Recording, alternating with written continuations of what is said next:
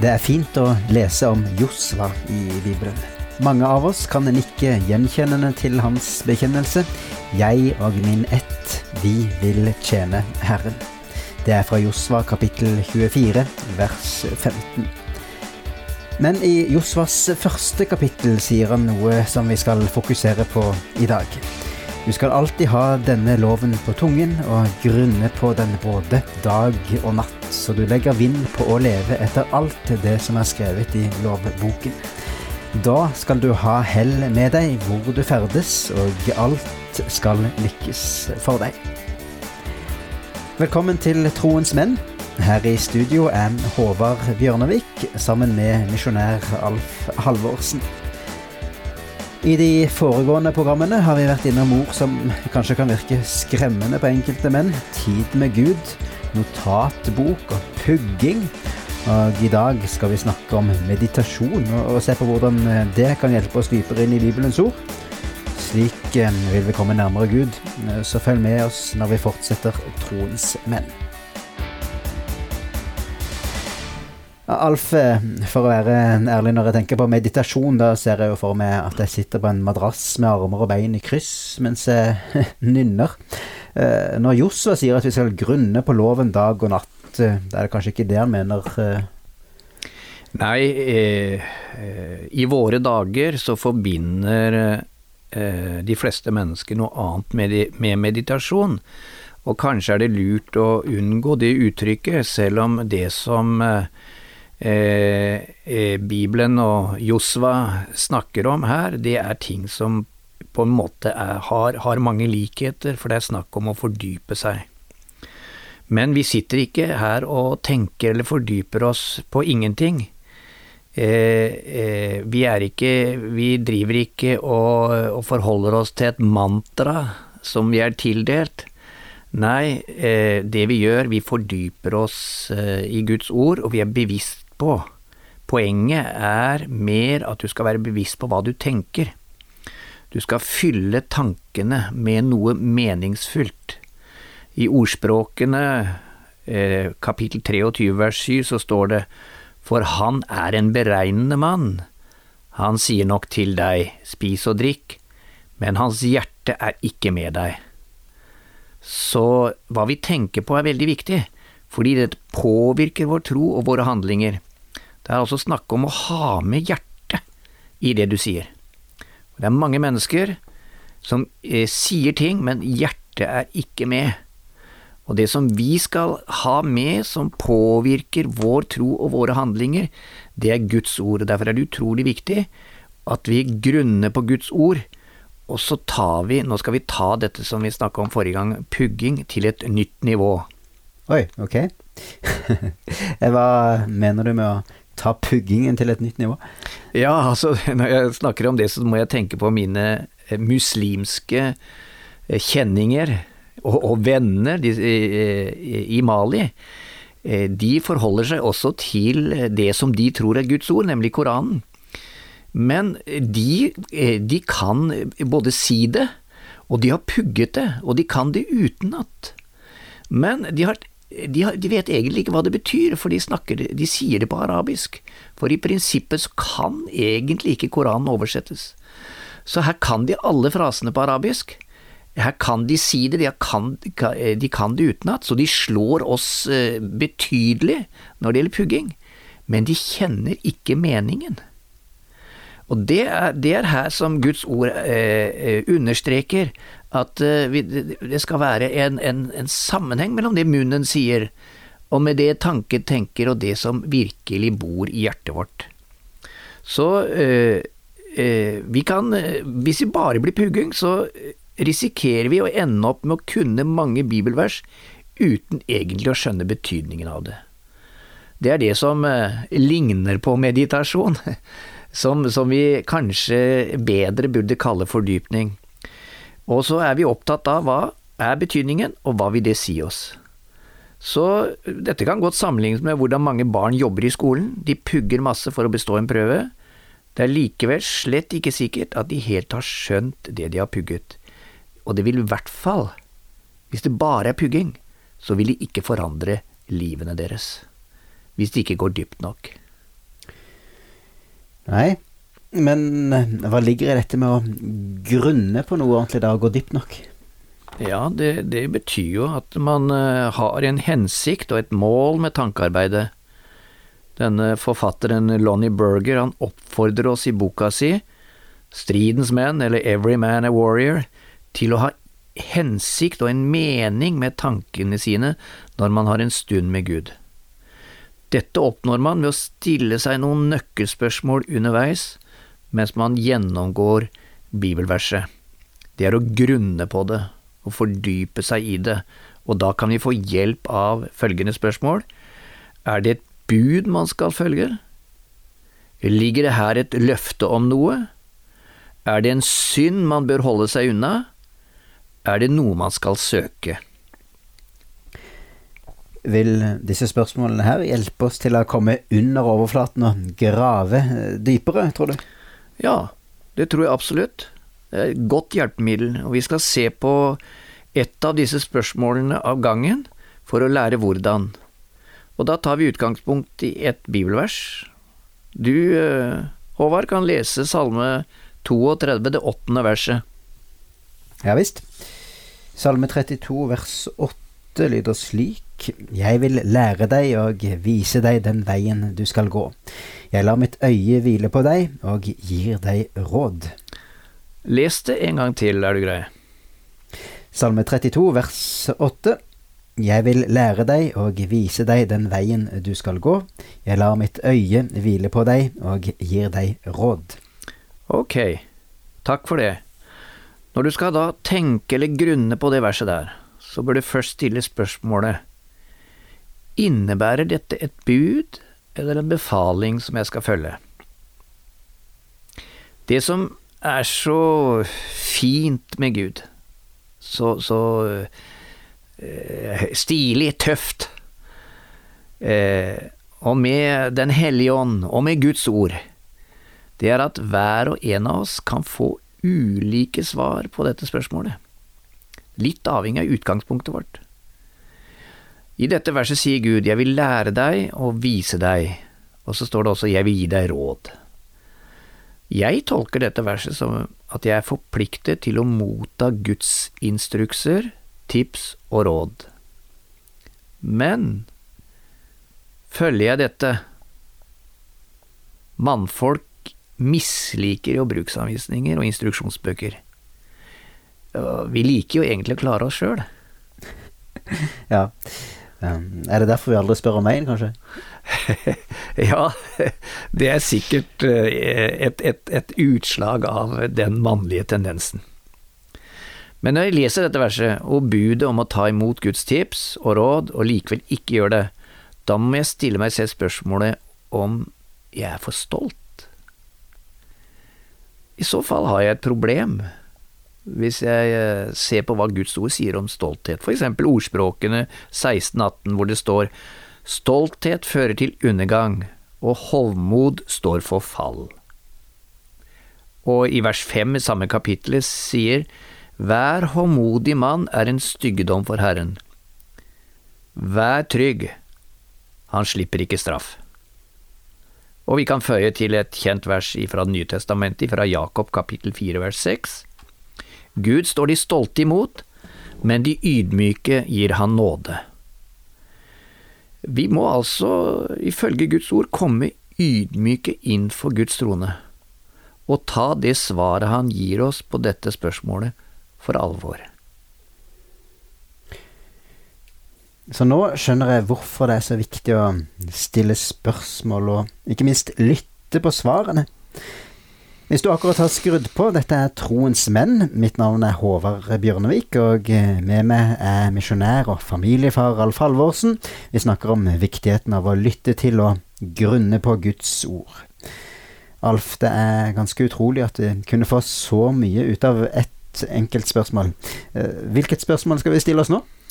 Ja, nå har vi altså tatt for oss det første spørsmålet. Er det et bud her som skal følges? Og så er det neste, som jo da blir litt mer positivt, og som er veldig viktig. Ligger det her et løfte om noe? Svaret er helt klart ja. Når det står 'jeg vil lære deg og vise deg den veien du skal gå', Jeg lar mitt øye hvile på deg og gir deg råd. Da ser vi jo at Gud sier jeg vil, og når Gud sier jeg vil, da kommer han til å gjøre det. Dersom vel selvfølgelig vi lar ham gjøre det. Gud vil ikke presse på oss. Løftet ligger der altså, men spørsmålet er tar vi imot det. Når vi er på jobben og vi strever med å rekke en tidsfrist eller løse et problem, kan vi ta imot dette løftet fra Gud. Hjemme i familien, når det er travelt, rot, kaos, og logistikken skal løses, da kan vi også ta imot dette løftet fra Gud. Jeg vil lære deg og vise deg den veien du skal gå, jeg lar mitt øye hvile på deg og gir deg råd. Du erfarer den sannheten gjennom stillhet sammen med Gud, vil løfte bibelteksten fra å være noe som eksisterer i hodet mitt, til noe som gir meg håp og styrke og som leder meg gjennom dagen min, og faktisk gir meg kraft i mange konkrete øh, og til dels øh, noen ganger konfliktstilte situasjoner. Guds ord er mektig, og det kan faktisk hjelpe oss uansett hva vi står i. Ja, det er faktisk mange som har erfart, og det er det noe vi ønsker å løfte fram her. Ok, så går vi videre til tredje spørsmål. Ja, husk bare at disse spørsmålene skal, er hjelp, da, når vi skal fordype oss eh, til å tenke effektivt og riktig, for å komme dypere inn i disse tekstene som vi leser når vi er sammen med Gud. Altså ikke bare snakk om, om eh, pugging og repetisjon og noe som blir et munnhell, men å fordype seg, sånn at det, eh, det faktisk fanger inn hele livet vårt. Så eh, nå har vi stilt spørsmålene er det et bud man skal følge, og nummer to, ligger det her et løfte om noe? Så er det tredje spørsmålet, er det en synd man bør holde seg unna? Ser vi på eksempelteksten vår fra Salme 32, hvor det står Jeg vil lære deg og vise deg den veien du skal gå, jeg lar mitt øye hvile på deg og gir deg råd. Vi har allerede snakket om den ene potensielle synden som vi her kan begå, og det er nemlig stolthet. Dette må ikke være villig til å la Gud lære oss og rådgi oss. Eller kanskje tror vi eh, allerede vi vet nok, og ikke behøver hans hjelp. Det er jo et interessant, denne salmen den er jo egentlig en, en, en av de store salmene som begynner med at David forteller hvordan det gikk når han ikke våget å bekjenne sin synd. Det er jo det som står foran det hele. Og det som gjør at vi ofte ikke tør å bekjenne vår synd, er jo vår stolthet. Så dette er da synden til David var jo en seksuell synd, men samtidig er stoltheten som gjorde at han ikke bekjente det eh, før, holdt på å si, det fortærte ham nesten menneskelig sett. Men eh, i et annet vers kan synden være noe annet. Det kan være sinne, lyst, begjær, eller noe som vi ofte ikke tenker på, bitterhet eller noe annet som Gud forteller oss at vi vil komme til å møte underveis i livet. Så det høres ut som eh, dette tredje spørsmålet er et uh, veldig viktig spørsmål? Ja, selv i våre dager hvor man ikke liker å snakke om synd, kunne vi få en fornyelse av det. Dette er et viktig spørsmål. I Salme 19, vers 13 og 14, så står det Hvem kan merke sine feiltrinn? Tilgi meg hver synd jeg ikke vet om. Ja, vær din tjener mot skammelige synder, så de ikke får makt over meg. Da kan jeg være hel i min ferd, frikjent for store overtredelser. Den skjulte synden som dette verset viser til, minner meg på en historie jeg har hørt. En mann som heter Leif, hadde påtatt seg ansvaret som åndelig rettleder for kameraten Svein. Leif skulle lære Svein om dette med å være sammen med Gud. Det første året gikk det bra, og Svein gjennomførte tiden med Gud hver dag. Men da ett år var gått, kjøpte han en leilighet. ja, ja, kjøpte en leilighet. Kjenner dere oss igjen? Kjenner den seg igjen? Og så måtte den selvfølgelig da pusses opp. Sånn er det hvis du kjøper en gammel leilighet. Svein gikk på jobb hver dag, og drev med oppussing til langt på kveld. En morgen da Leif og Svein møttes, måtte Svein innrømme at han var sliten. Jeg har ikke gjort som jeg burde, jeg har ikke vært sammen med Gud. Jeg har ikke vært sammen med barna, og nå er kona sur, fortalte han. Her har Svein glemt et viktig prinsipp. Uten den daglige tiden med Herren har ordet en tendens til å forbli i hjertet, uten at det får praktiske følger for hvordan vi oppfører oss og opptrer overfor andre. Historien om Svein gir oss også svaret på det fjerde spørsmålet. Er det noe man skal søke? Bibelverset som gjorde at Svein igjen fikk pågangsmot til å endre seg, finner vi i ordspråkene 23, vers 4, hvor det står slik, Strev ikke etter å bli rik når du bør oppgi din innsikt. Svein bestemte seg for å sette dette ut i praksis, og etter jobb den dagen dro han hjem, i stedet for å dra til leiligheten for å fortsette med oppussingsprosjektet. Hjemme ga han kona en klem og lekte med barna. Dagen etterpå startet han med en ekstra lang stund sammen med Gud. Det er veldig gøy å se at dette virker, da. Og jeg tipper at uh, Sveins kone og barna ble veldig glade for at han gikk tilbake til disse daglige stundene sine med Herren. Ja, og det er uh, manges erfaring. Det er ikke bare du sjøl som blir glad for det.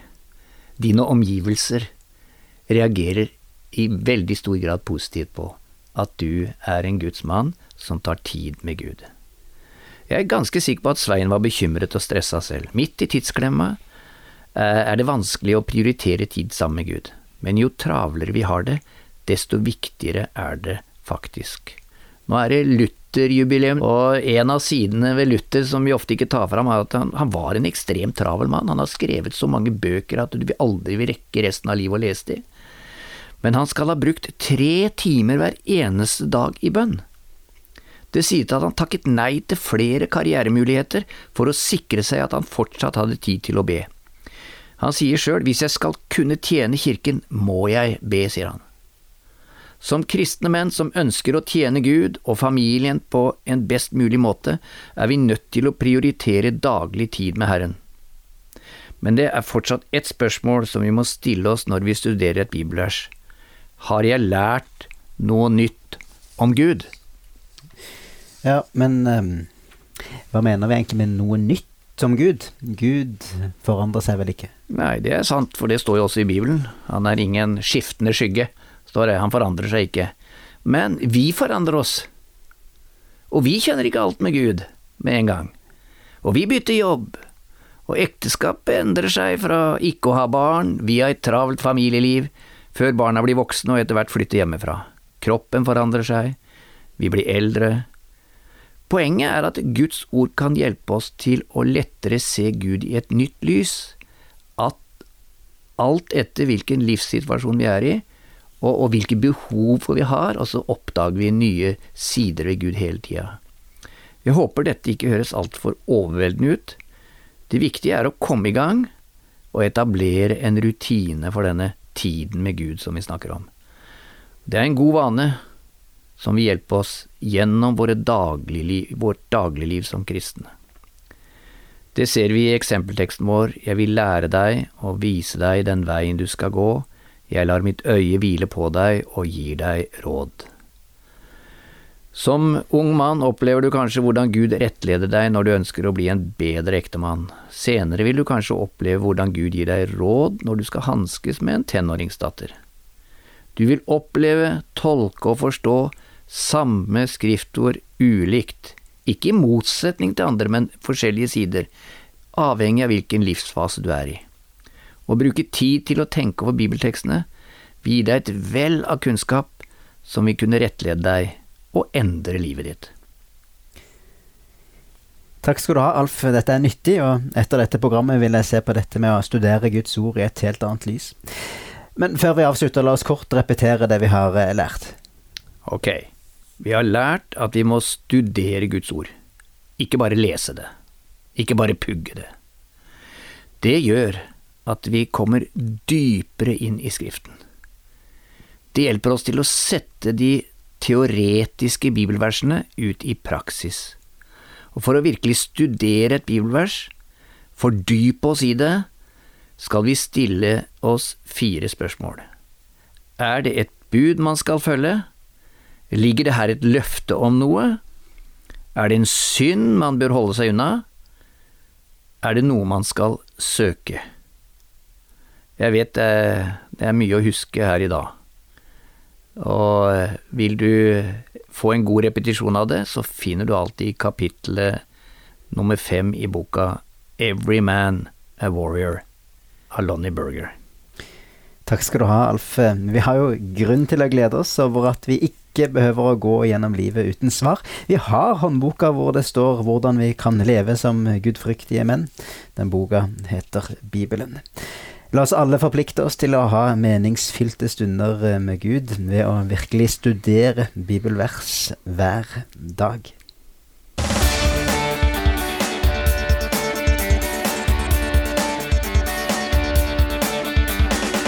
Takk for at du hører på Troens menn, hvor menn utrustes og styrkes til å møte sitt gudgitte potensial. I dag har vi blitt utfordret til å tenke meningsfullt når vi er sammen med Gud under vår daglige bibelstund. Bakgrunnsmaterialet til dette programmet er henta fra kapittel fem i boka 'Every Man a Warrior' av Lonnie Berger. Boka er bra både for enkeltpersoner, cellegrupper, klasser og forsamlinger. Og mer informasjon om boka og dette programmet finner du på norea.no. Så må du ikke gå glipp av neste program i denne serien. Da skal vi nemlig se nærmere på verset 'Du har ikke, for du har ikke spurt'. Mitt navn er Håvard Bjørnevik, og med meg i studio var misjonær og familiefar Alf Halvorsen. Takk for at du hører på Troens menn. Må Gud velsigne deg og gjøre deg til den mannen han vet du kan bli.